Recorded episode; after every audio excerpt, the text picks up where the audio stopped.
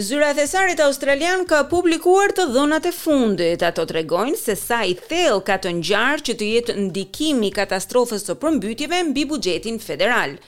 Konsumatorët po paralajmërohen që të përgatiten për rritje të çmimit të frutave dhe perimeve gjatë gjashtë muajve të ardhshëm, e kjo për shkak të dëmtimit të të mbjellave. Ndjekim raportin.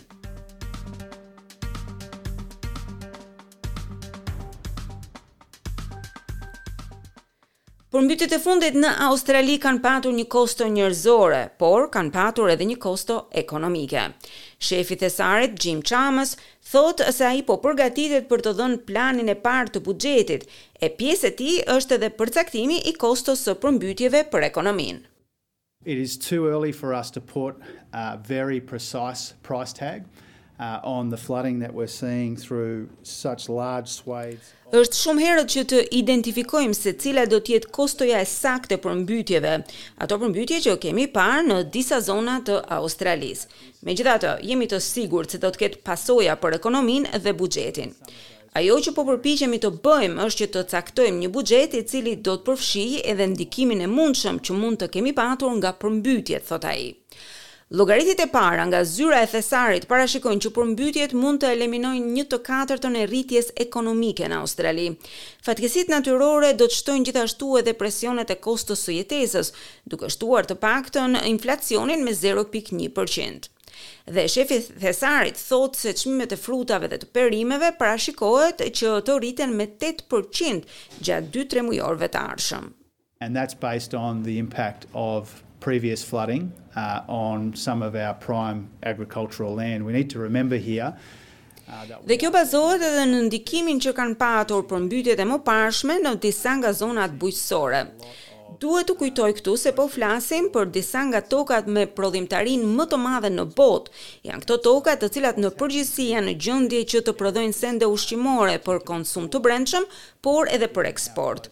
Dhe ajo që po ndodh këtu, në këto zona është shumë e rëndë, mendoj unë, duke patur parasysh ndikimin që patën përmbytjet mbi prodhimin. E pavarësisht se pritet që dëmtimi i tokës bujqësore të nxisë inflacionin, Zyra e Thesarit mendon se kulmi i inflacionit do të jetë në shtatë pikë shtatëdhjetë e pesë për qind e jo më tej. Kjo për shkak të uljes së çmimit të benzinës. Për të përballuar faturën e përmbytjeve në rritje, tre miliardë dollarë do të ndahen nga rezervat e emergjencës së buxhetit. Një pikë katër miliardë dollarë janë siguruar në pagesa emergjente për viktimat e përmbytjeve. Sussan Ley nga opozita thotë se qeveria nuk po bën aq sa duhet për të lehtësuar koston e jetesës. Power prices are rising as much as thirty five percent. Your mortgage is going up by hundreds and hundreds of dollars every month. Çmimet e energjisë janë rritur në 35%. Kreditë e shtëpive po rriten me qindra dollar dhe kjo çdo muaj. Në të njëjtën kohë rriten çmimet e supermarketeve, e përsëri dëgjojmë ankesa nga qeveria se përmbytjet do të rrisin çmimet dhe se kjo qeveri është e pafuqishme për ta parandaluar këtë. Nuk mjafton. Ku është plani i qeverisë? tha ajo.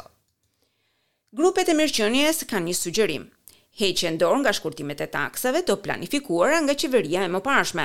Cassandra Goldie është shefe ekzekutive e Këshillit Australian të Shërbimeve Sociale. We've got people facing the cost of living crisis, but not everybody is experiencing that in the same way. Kemi njerëz të cilët po përballen me rritjen e kostos së jetesës, megjithatë, jo të gjithë po e përjetojnë këtë rritje në të njëjtën mënyrë. Kemi njerëz të cilët nuk janë në gjendje të ushqehen, të kenë një çati mbi kokë.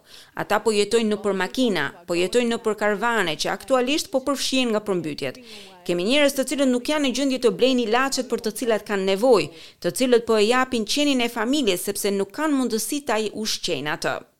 Qeveria ka bërë tashmë disa njoftime para buxhetit, megjithatë nuk ka asnjë shenjë se do të heqë shkurtimin e taksave në fazën e tretë. Ata janë zotuar që të rrisin lejen për prindërit dhe të subvencionojnë shumë medikamente mjekësore. Gjithashtu do të sigurojnë dy pikë katër miliardë dollarë për përmirësimin e rrjetit kombëtar të broadband, si dhe një shtesë prej dyqind e katër milionë dollarë për Great Barrier Reef. Kryeministri Anthony Albanese ishte në Australinë Perëndimore për të njoftuar një buxhet pesëdhjetë milionë dollarësh për një qendër australiane të hulumtimeve dhe kërkimit të mineraleve thelbësore, si dhe pesëdhjetë milionë dollarë për grantet e këtij projekti. Zoti Albanese thotë se fokusi i qeverisë së tij është financimi i masave të synuara që do të nxisin produktivitetin ekonomik, dhe jo inflacionin. Look, this is having an impact on people, we understand that. Kjo ka ndikim tek njerëzit dhe ne këtë e kuptojmë. Megjithatë e kuptojmë se kemi trashëguar një trilion dollar borxh. Kam patur disa propozime për dhënien e fondeve për njerëzit, megjithatë qeveria nuk është në pozicion për t'u angazhuar në këto masa, të cilat do të ishin kundër produktivitetit, për sa i përket ndikimit ekonomik. Ne duam të ofrojmë mbështetje ekonomike për koston e jetesës, por do ta bëjmë këtë në mënyrë të përgjegjshme, tha kryeministri.